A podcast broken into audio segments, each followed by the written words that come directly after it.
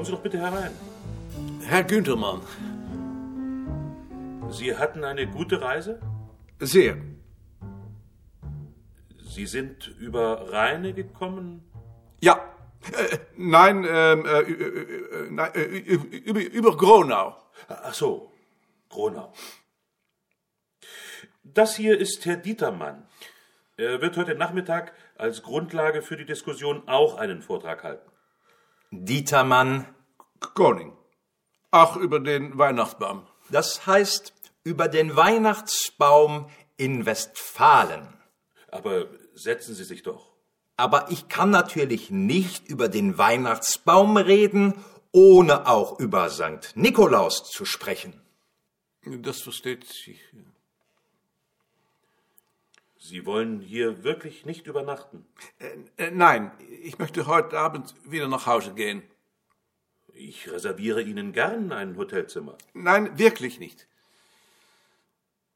Und äh, wann fährt Ihr Zug? Äh, um sieben Uhr. Dann müssen wir halb sieben Schluss machen und ich bringe Herrn Koning dann zum Bahnhof. So, ich schlage jetzt vor, dass wir beide etwas essen gehen. Ich, ich habe mein Brot bei mir. Nein, wir gehen in den Ratskeller. Ich muss ja schließlich auch was essen.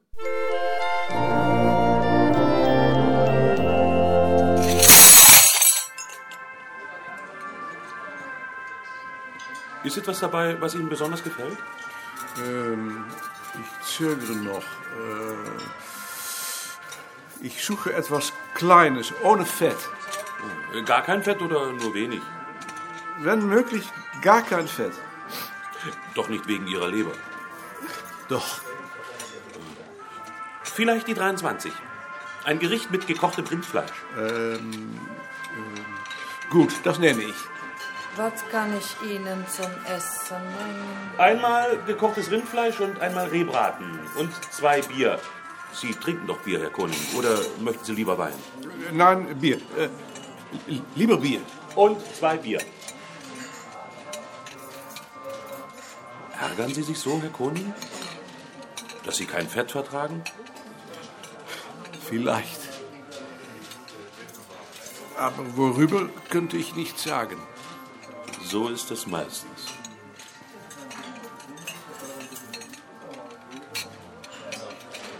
Was halten Sie vom europäischen Atlas? Den halte ich für sehr wichtig. Glauben Sie? Weil es das erste Mal nach dem Krieg ist, dass wir auf europäischer Ebene zusammenarbeiten. Sogar mit den Ländern des Ostblocks. Aber die Voraussetzungen. Der Gedanke, dass solche Karten jahrhundertelange Kulturgrenzen aufzeigen, statt eine Momentaufnahme in einer kontinuierlichen Änderung. Darüber müssen wir diskutieren. Das war das große Verdienst Ihres Vortrages. Mit Horvatic. Auch mit Horvatic. Sogar mit Horvatic. Denn er ist einer der Stützen der Organisation. Ohne ihn kommen wir nicht weiter. Mit ihm auch nicht. Das glaube ich nicht. Meines Erachtens sind Sie dazu pessimistisch, Herr Koning. In der Diskussion sollen alle Standpunkte ihren Platz haben.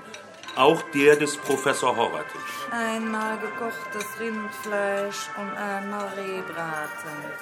Und zwei Bier. Guten Appetit, die Herren.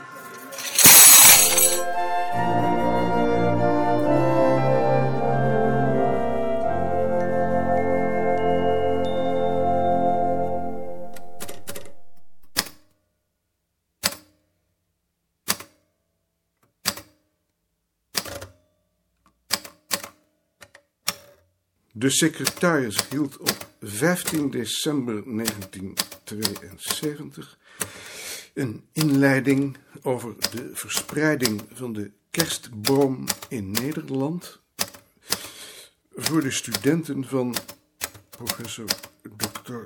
W. Kunterman, hoogleraar aan de Universiteit van Münster.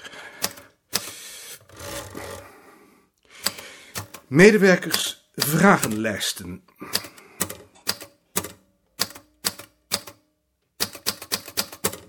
We kunnen de tent al sluiten. Het is stil. Ik ken anders instellingen zat waar ze tussen kerstmis en nieuwjaar gewoon sluiten. Ik ook. Vind het wel lekker rustig zo. Zo, Tjitske.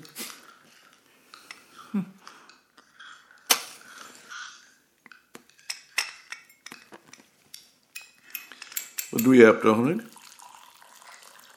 Oh. Knipsels. Ik ben bezig met het jaarverslag. Ik heb uitgerekend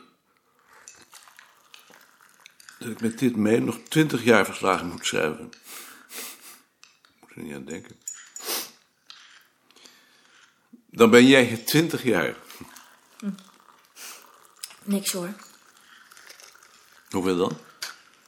Nou, je moet nooit ergens langer blijven dan vier jaar. Dan ben je net ingewerkt. Oh, dat kan me niet schelen. Nee, dat begrijp ik. Maar ik kende die regel nog niet. Vroeger bleef je ergens 40 jaar en dan kreeg je een stoel. Zo heb ik het nog geleerd tenminste. Ja.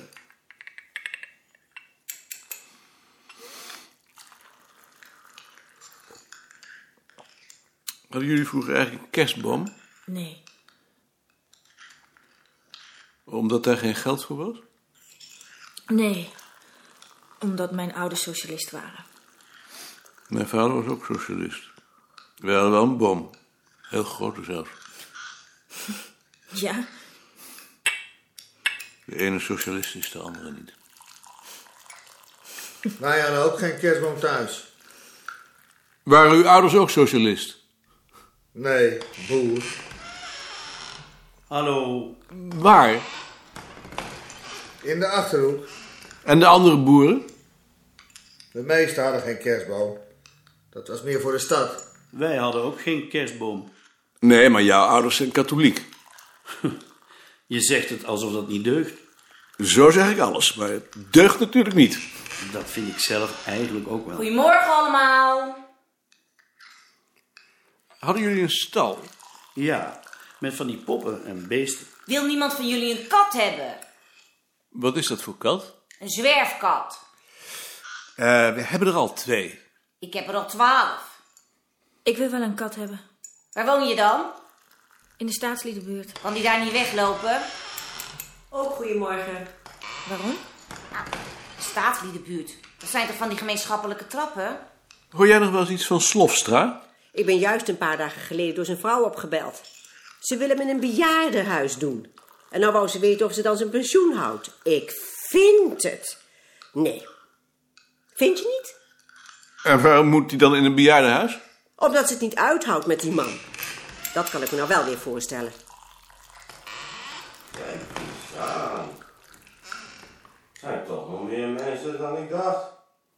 Ja, Geert. Het leven is altijd anders dan je denkt.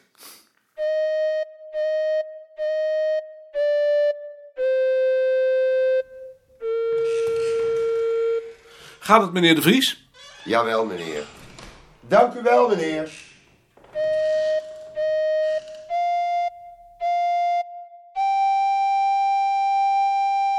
Jaring krijg ik de gegevens van jullie activiteiten in het afgelopen jaar voor het jaarverslag. Bedankt, Maarten.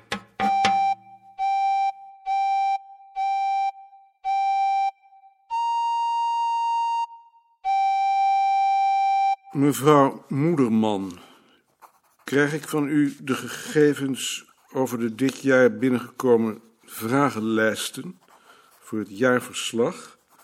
Alvast bedankt, koning. Maar meneer Koning, Mevrouw Moederman, zo gaan we toch niet met elkaar om? hoe niet? We gaan elkaar toch geen briefje schrijven? Dat is toch niet voor u? Wat had ik dan moeten doen? U kunt toch wel wachten tot ik er ben? Zo'n haast heeft het toch niet? Ik had het graag op 31 december op het bureau van Balk gehad. Maar daar mogen anderen toch niet het slachtoffer van worden? Nee, dat is ook niet de bedoeling. Maar zo gebeurt het wel. Neemt u me niet kwalijk. Ik neem het u niet kwalijk, maar ik was geschokt. Doet u dat nou nooit weer? Past helemaal niet bij u. Ik zal het niet meer doen. Goed. Dan zal ik kijken wat ik nog doen kan. Dank u.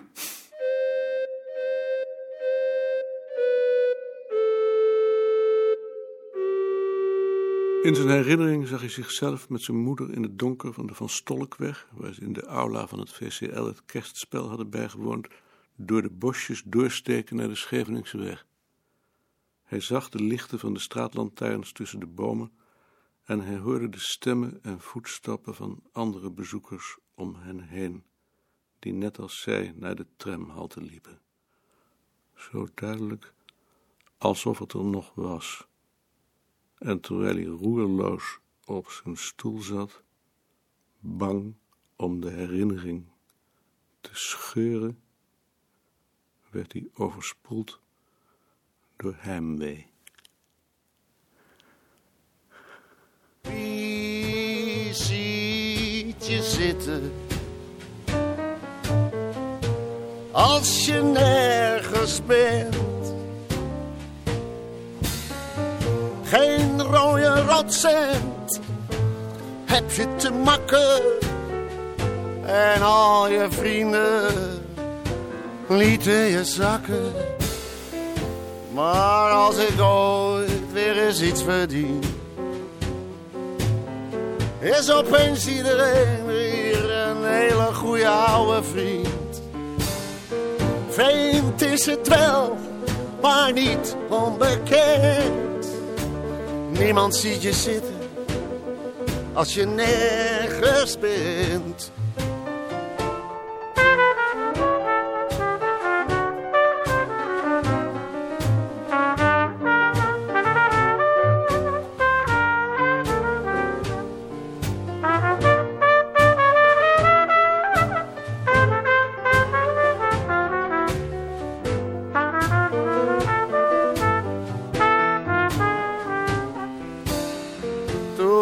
Ging het fout, stond ik alleen.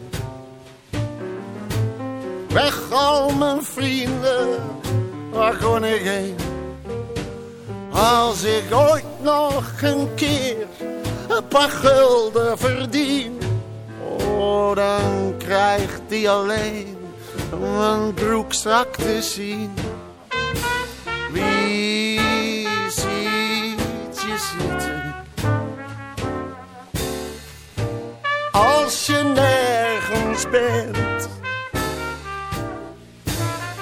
Geen rode rotcent heb je te makken.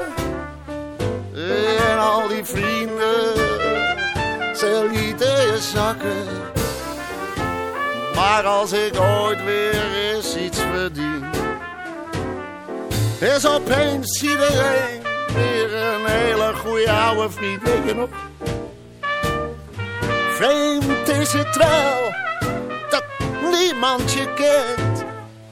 Dat niemand je ziet zitten als je nergens bent.